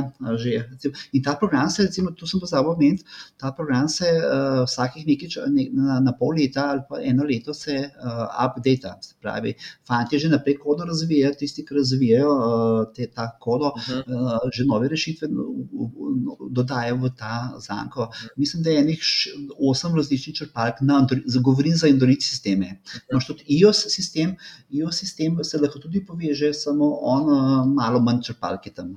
Aha. Za iOS je malo manj programerjev, uh, Ja. ker večina se na Androidu in je večja baza uh, znanja, tako da lažje sprogramirati te zadeve. Imamo tudi pri tej zanki imamo enega našega slovenca, enega um, um, Endija, imamo na Irskem, ki tudi pomaga pri tej zanki. Uh -huh. On je, mislim, da je bil, uh, da je bil prvi v Sloveniji, ki si je umislil uh, to zanko. Pa ima tudi, torej ima tudi, ja, sladkorno. Ja, to, ja, ima tudi sladkorno. Ja. In on je pač računalniški, računalniški programer in živi zdaj na Irskem in tam dela. Pač občasno se sliši, pa mi pove, kakšne novosti, tako da je zanimivo slišati iz, bi rekel, iz Iz tistega jedra, štaba, po domače povedano. Aha, torej se ve, to načeloma zdaj dela ista ekipa, posodablja te sisteme. Ja, ja, ista ekipa, ista ekipa. Mogoče še nov član, ki so starejši, pač eh, je nehal uh, in uh, se, se update zadeve. In to dela v bistvu popolnoma prostovoljno. Ja, tako je v prostem času, v prostem času delajo to fanti. Oziroma, imajo službo, pa še s tem se ukvarjajo. Ker eh, načeloma, eh, s- saj pravim, eh, ta zadeva zelo dobro dela. Problem so samo posodobitve Androidov, recimo, ki pride do posodobitve Androidov. Včasih tisti programeri, ki posodabljajo, so prehitrih prstov in kakšen dan, dva ti mogoče ne dela, preden spet uredijo zadevo, nov popravek, da je veš, da spet dela, ker, ker mislijo, da dela, pa spet ne dela. Ja, ja. Ampak stvar je čisto simpel. Jaz cenim to, da imam vse na telefonu.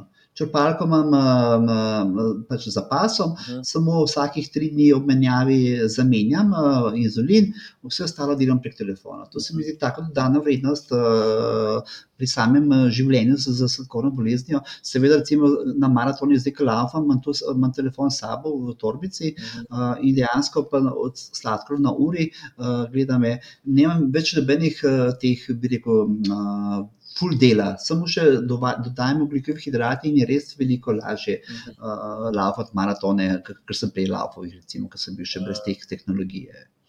Uh, kje si pa lahko imaš, uh, mislim, uh, imaš kakšen naslov ali pa kakšno internetno stran, kjer si lahko ljudje o tem več preberejo? da Ja, ja, jaz tu se povezavo dostopno. V link bom spodaj dal. Android, Android APS documentation ne tipkajo v Google in prvi zadetek bo ta str- spletna stran. Ne bom jaz dal to spletno stran spodaj v povezavo. No, boš ti pol dal tako, ja, ta, Povezavo bom dal pač, v opis. no, tako bo, boš dal. In tam ti vse piše, kako je postopek, kaj rabiš.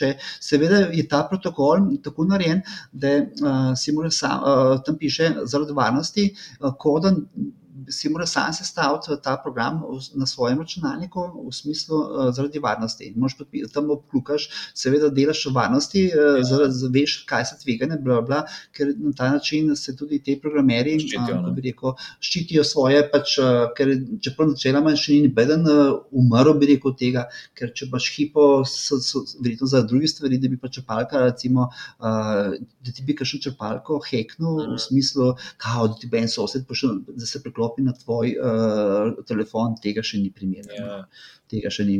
To, je vse zaščitene, to so zaščitene povezave, seveda pač lahko kdo pogleda, če hoče, ampak jaz pravim, pa kaj bo mene gledal ali pa kakšnega dru- tebe, če, če boš bil na tej zanki, uh, pa kaj bo žiga, eh, da Jo, spet je jedel sladkarije, macukra. Ja, ja, tako ja. Da mi povej, kaj imaš mogoče kakšno številko, koliko bi znal biti uh, ljudi sploh tako na svetu, zdaj v Sloveniji si rekel 70. Ja, na svetu, kot mi je znano, je, mislim, da je okrog 40 do 50 tisoč teh sistemov že v uporabi. Tako je približno. Točne številke ne vem, ker pač to se itak dnevno viša. Seveda, odvisno tudi od držav, odvisno recimo v enih državah je več. Recimo, vem, da imajo recimo tudi metronikove črpalke. Uh, une, uh, prve, prve generacije 712, 718, 22 serije, ki so bile, se, se dali tudi v te, uh, na, to našo, na to našo zanko povezati. In so imeli, fanti, so, mislim, ljudje so uporabljali veliko to zadevo, predvsem v Ameriki, ker v Ameriki je to pač tam se plačljivo in so ljudje se znašli, stare črpalke so imeli, so se senzori so imeli in so se povezali, dokler ni uh, Metronik uh, blokiral enih IP-jev ki so bili pač konekti uh, na, na njihove serverje, veš, in potem so blokirali, da niso več mogli ti ljudje dostopati, in potem se je ta zgodba končala. Kaj te nove serije, 780, recimo, uh, ne moreš uh, povezati v, v to našo zanko, ker je en, ena težava, ker dejansko uh, protokoli Bluetooth je zaklenjen še uh, v, v čipu. -huh. k, k, mogoče tudi zaradi tega ima tako str, um, str uh, algoritem, mislim, tako star način uh, vodenja bolezni. Mhm. Mislim, uh, da imaš uporabniški umestnik na črpalki, ker se metronik boji, da bojo ljudje masovno, potem, ko bo Bluetooth prišel, da, če bi imeli na telefonu, da bojo hitro skekali, skekali zadevo, da bi lahko odprli za vse, za dožili uporabljati. Ja, torej zaradi neke varovanja podatkov. Varovanje, pač se, se strinjam, da pač, ne, pač je, uh, uh, pač, da je pač dobro, da, da je to vse pod nadzorom, ja, ampak vseeno uh, bi lahko že naredili, da bi imeli tudi 780 na telefonu, da bi da dajo inzulin. Ja. To je edini, full velik minus uporabniške izkušnje, tisti, ki imajo 780. Ja, definitivno. Ja. Še posebej se mi zdi tako pri puncah. No, ka, ja, sej, sej to je, to je problem. Nismo več leta 2, pa 3, ampak smo zdaj. In zdaj dejansko v Sloveniji samo ta sistem dostopen, kot je bil leta 2002 ali 2003, ki je, prišel, ki je prišla zanka v Sloveniji, prva 508, ki je prišla takrat. In, uh, lahko zgodbico povem, kako je prišla 508 v Slovenijo. Lahko. Čist kratka je, tako zanimivo. Je pač, uh, zanimivo, kako se stvari hitro spremenijo, če, če se določenim uh, gospodom na visokih položajih v politiki zgodi, da njihov otrok dobi sladkorno bolezen in potem pridejo na pediatrijo, pač vsi paniki, rošit, moj otrok, ja, te imate pene, imate tole, boste mogli voditi, a res je. In potem oče vpraša, uh, kako pa kaj, kaj pa črpalka, pa to, ja tega pri nas ni, ja, kako ni pri nas. Ja, uh, mislim, da, ne vem, kateri zdravnik je bil, glavni zdravnik je rekel, uh, mislim, da imajo že na Zavodu za zdravstveno zavarovanje že en, eno leto vlogo, da bi odobrili za otroke uh, čepalke, ki so že sodelujejo z, pač, z ameriškimi, pač ti debitologi med sabo sodelujejo, pa so videli, da so dobri rezultati pri otrocih. In pa so še tukaj. Uh, Ja, pač in so tukaj vložili, in en, več kot eno leto čakala tista vloga tam na zavodu, da se ni premaknila, kako, res ne, on oče, tek, tek, tek, halo, co, co, co, co, co, co, co, co. v pol leta je odobrena črpalka za otroke do sedmega leta. Ja. Se pravi, če se pipkasti, oziroma pomembno od, od možev zgodi to, uh, potem dobijo tudi ostali. In se oče rekel, jaz bi lahko kupil to zadevo. Pač, ja, ja. Zakaj? Ni, ni samo moj sin, so še drugi otroci, da jim ja, to naredite. Recimo, tako, pač, uh, Zanimivo. No, pač. Zanimivo. Um, prej si omenil, jaz nisem nek poznavalec na tem področju, no, ampak ti doskrat podarjaš, da imamo v Sloveniji res dobro zdravstvo, glede na, na ostale države. Ampak, ja, sigurno, um, Ni pa idealno. Recimo, recimo, no, se to sem hotel vprašati. Ti si omenil prej tudi neke korejske znamke, uh, črpalke in tako naprej. Verjamem, da je mhm. tega po svetu ogromno. Pri nas, jaz poznam zelo malo podjetij, ki, ki to ponujajo. No? Um, zdaj, vem, da si ti malo bolj raziskoval ta trg, pa mi povej, kako to v bistvu, da nimamo, mislim, pri nas tudi v Sloveniji možnosti za neke take stvari, uh, nove preizkušnje. Ja, pa... zdaj smo prišli v en tak vakum, bi rekel, en vakum pri, pri, prišli na našem trgu, glede dostopnosti črpalke. V bistvu je samo še ena črpalka. Se pravi, spravim, da smo se vrnili v leto 2003, ker je prišla prva črpalka, zdaj smo spet imamo samo en, eno uradno opcijo. Uh mhm. -huh. Ker uh, to je 780, kak je zaprta zanka, oziroma tudi 640, kar lahko dobiš, če hočeš, ampak to mi tudi ne, ne vzame več, ker zdaj je prihodnost zanke v zaprti zanki dostopnosti do tega. Recimo Roši, recimo nažalost, opustil proizvodno Insight pa teh, teh pa Combo črpalk, ne, pač dejansko ni opcije.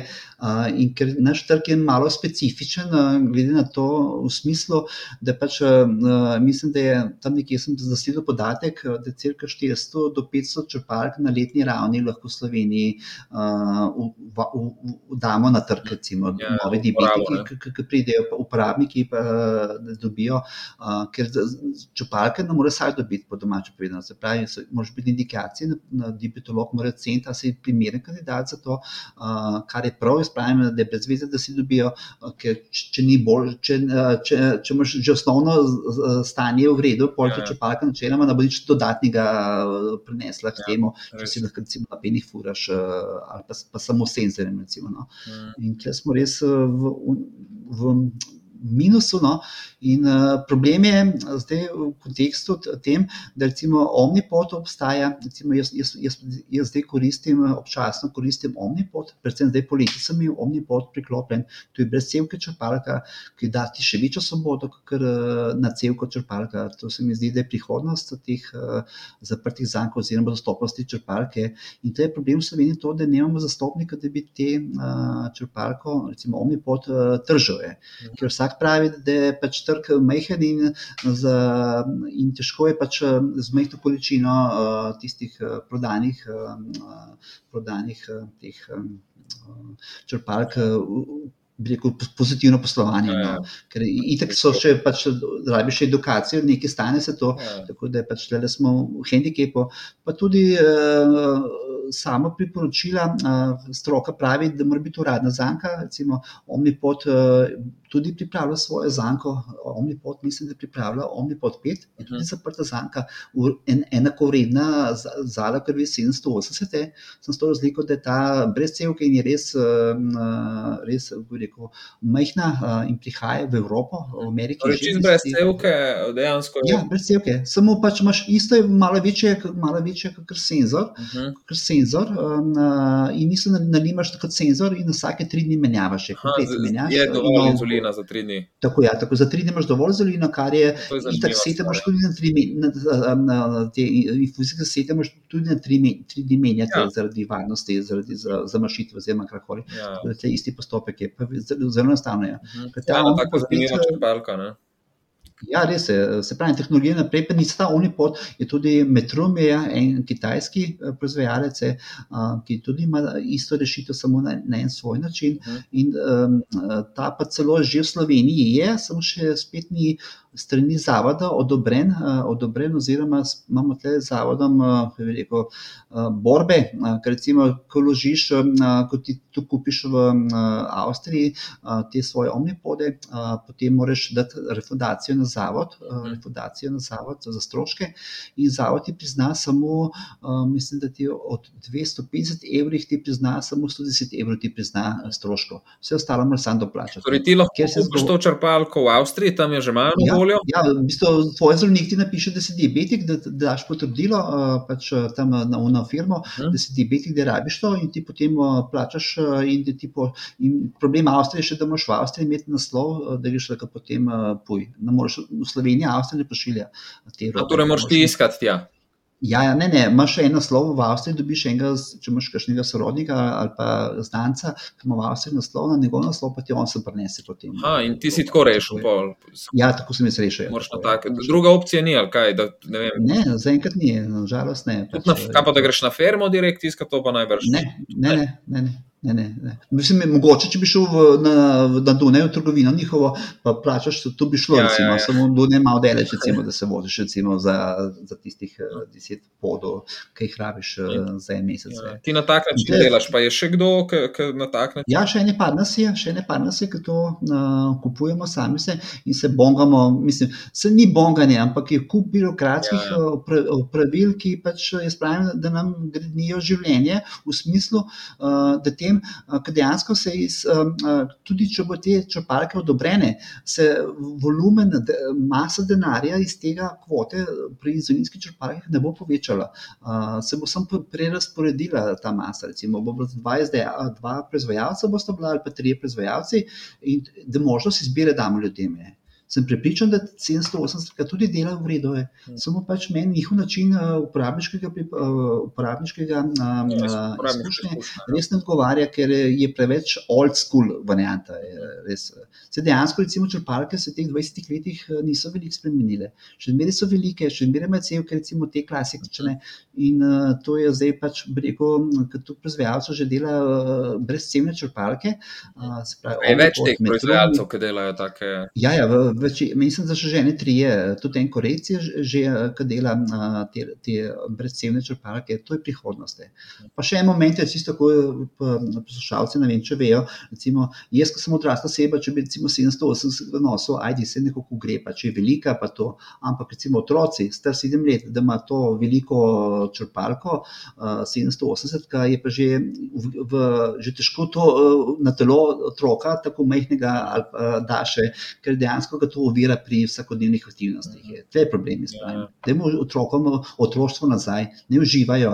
Sej dela, samo je tukaj dodatnega dela s temi stvarmi, dejansko nisem vem, če so starši si zadovoljni uh, s to črpalko, ampak uh, če pa drugi ni, more pa to vzeti, da pač lahko njihov otrok ima malo bolj pod kontrolo se zgorje. Pa drugi proizvajalci pravijo, da delajo potem tudi precej manjše, recimo črpalke. Ja, je manjše. manjše. Recimo, omni pot je relativno velika, metrum je malo manjši, uh, malo manjši. Uh, pa ima isti sistem narejen. Tako da pač jaz želim, da se ta saga glede teh, uh, teh uh, nedostopnosti črpalke uh, čim prej reši, ker uh, obstaja tudi EU direktiva. Uh, recimo, jaz lahko te, uh, jaz lahko te um, uh, omnipode v Avstriji kupujem na podlagi EU direktive o pacijentovih pravicah, ki pravi, da če, če v državi tvoji ni medicinskega pripomočka, ki, ki ga rabiš, ga lahko kupiš na enotnem evropskem trgu, in uh, zavod ti mora refundirati ta račun. Treba pri nas samo refundirati del stroškov, ker se zgovarjajo, da za to črpalko ni v tistem šifrantu medicinske tehnične pripomočke pisana šifra prava, ker oni ne more kar neki brezpravne podlage delati v smislu, ne vem, kaj jih mora spremeniti, ampak to se mi zdi zelo uh, birokratska ovira, ker se tudi da hitro reči, samo enih par papirčkov treba, uh, pravilniku treba popraviti, pa se da to hitro reči v zadovoljstvo vseh nas diabetikov, da bomo imeli izbiro. Ja. Možnost izbire trenutno v Sloveniji ni in to me zelo moti, pa nisem edini, uh, ker nas uh, kar nekaj to uporablja in uh, želimo uh, imeti uh, možnost izbire. To je problem. Ja, ja.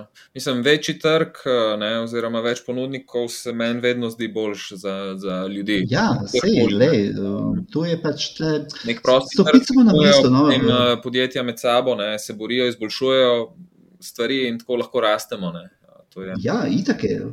Pa, pa rezultati so. Recimo, za avto pravijo, vi ste stroški, diabetiki. Ok, smo stroški, ampak jaz pravim, če bi oni naredili analizo, koliko, koliko, črpalk so, koliko črpalk je na trgu, pa koliko je zapletov na podlagi tega manj na dolgi roke. Jaz mislim, da bi za avto že mogel rento vsakmo enega jurja na let, ker smo tukaj manj za zdravljenje raznih zapletov zapravili. Recimo.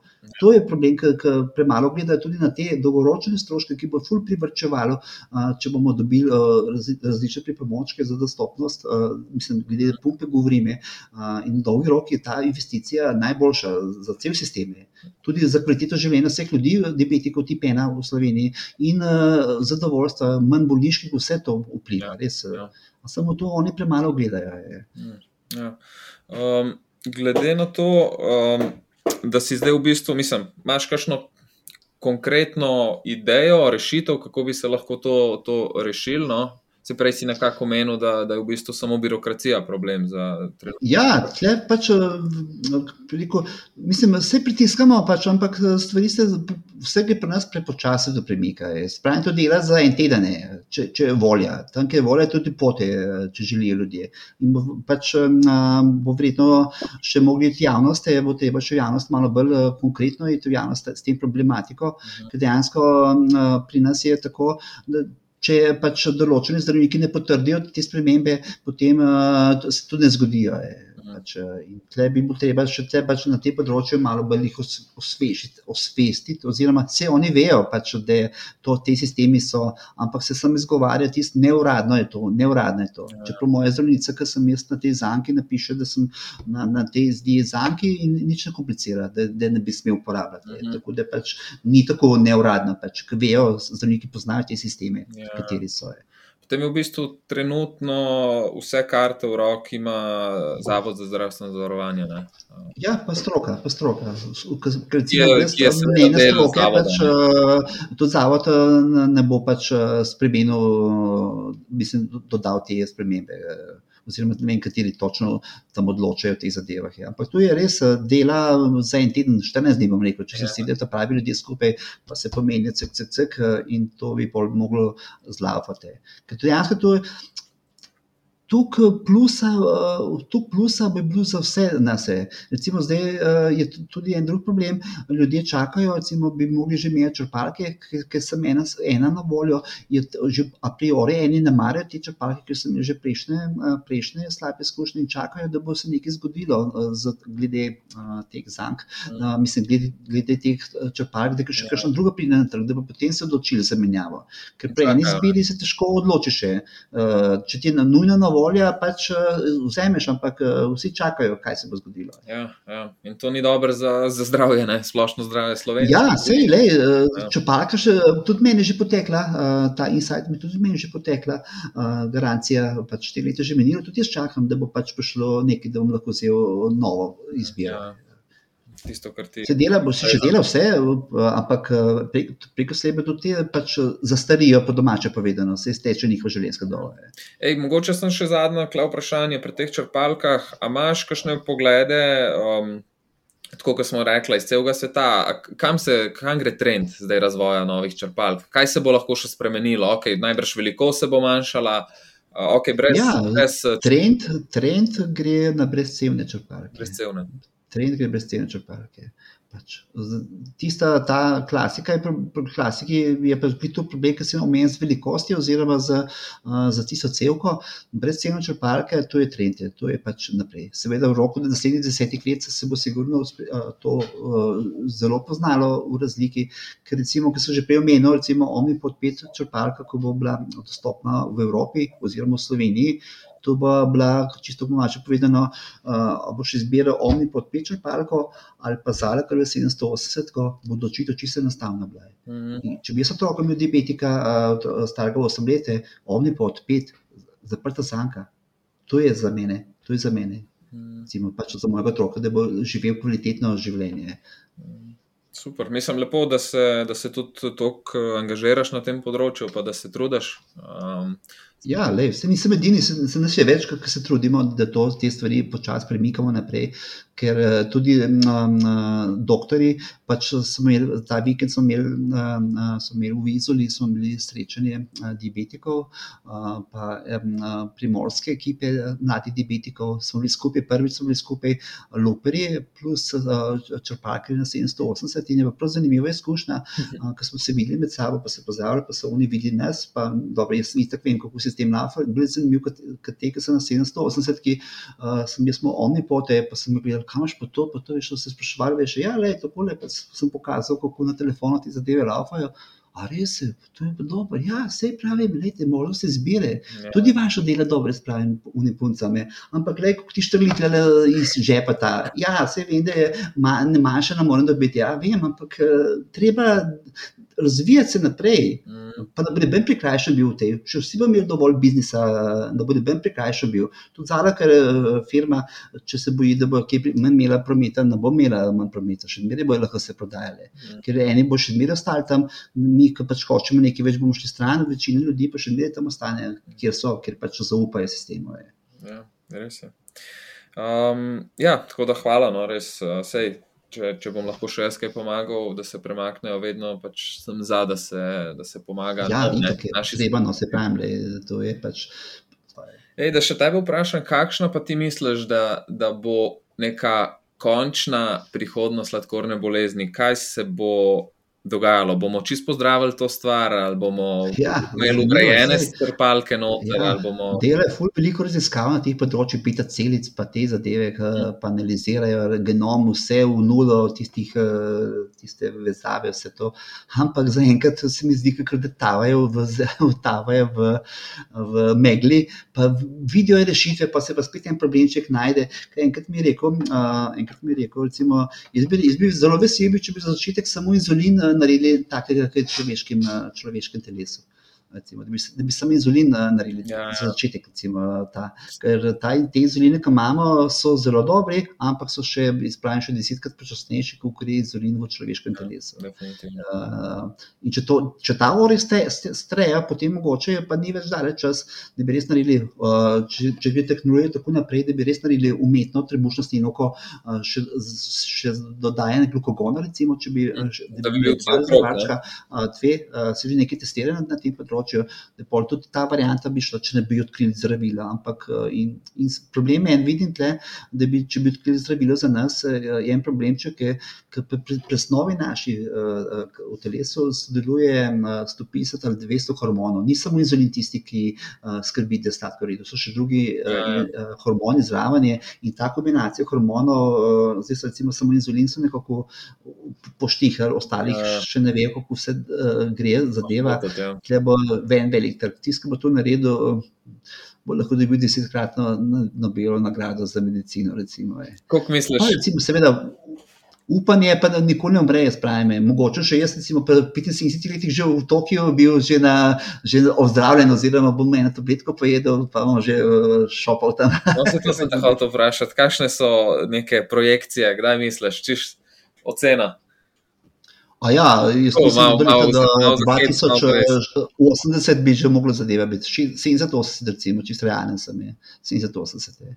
Ker trčimo v en drug problem, spet, ker se prej pogovarjala, uh, kako farmacija služi, na, mislim, koliko, koliko eh, vrednosti trg je ta. Mm. Nekje sem slišal podatek, da je 800 milijard uh, trg diabetesa na celem svetu vreden. 800 milijard je velik biznis. Ja. Tako da, z- zakaj bi zlato kokoško v glavo, če lahko od nje dobro služi še čisto tako Ja. malo grdo, se čudno sliši, ampak Ja, lej, vse je povezano Res s je. sabo. res je. Pa govorimo samo o, o, o diabetesu. Ja, ja, vsa- vsaka področje, za ostalih področji zdravljenja, ima iste težave, oziroma isti eh, rekel, zelo podobno. cilj, da rešijo, ampak po drugi strani pa Ne- ne čisto rešijo.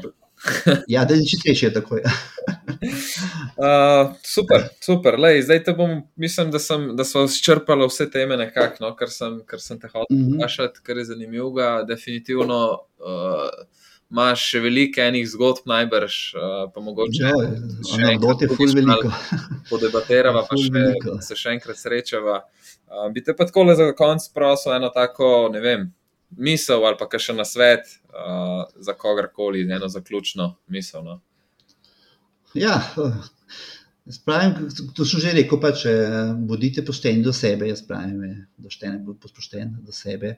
Dejansko vidiš, eh, ka, oziroma poslušaj svoje telo, da vidiš, kaj zmoreš, ker dejansko vse, kar misliš, da ne zmoreš, se preko sleve uresniči. Če si, zelo, če si prizadeven, pa nekaj v sebi vložiš. eh, In predvsem eh, bodimo tako pametni, da uh, malo več gibamo slovenski diabetiki. Uh, ker stroka pravi, da smo premalo dosegni za spremembe življenjskih navad.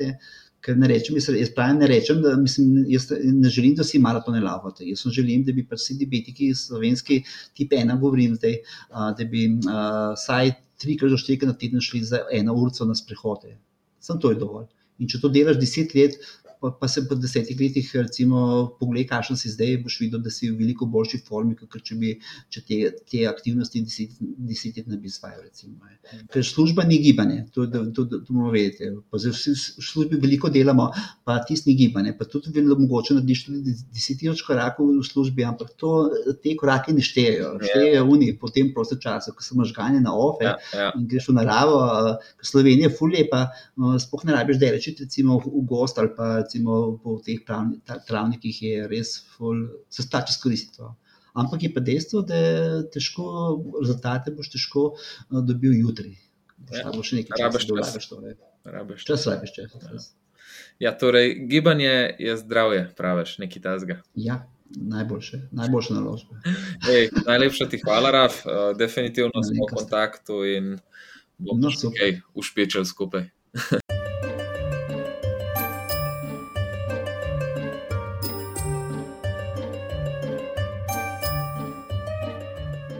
Hvala za poslušanje.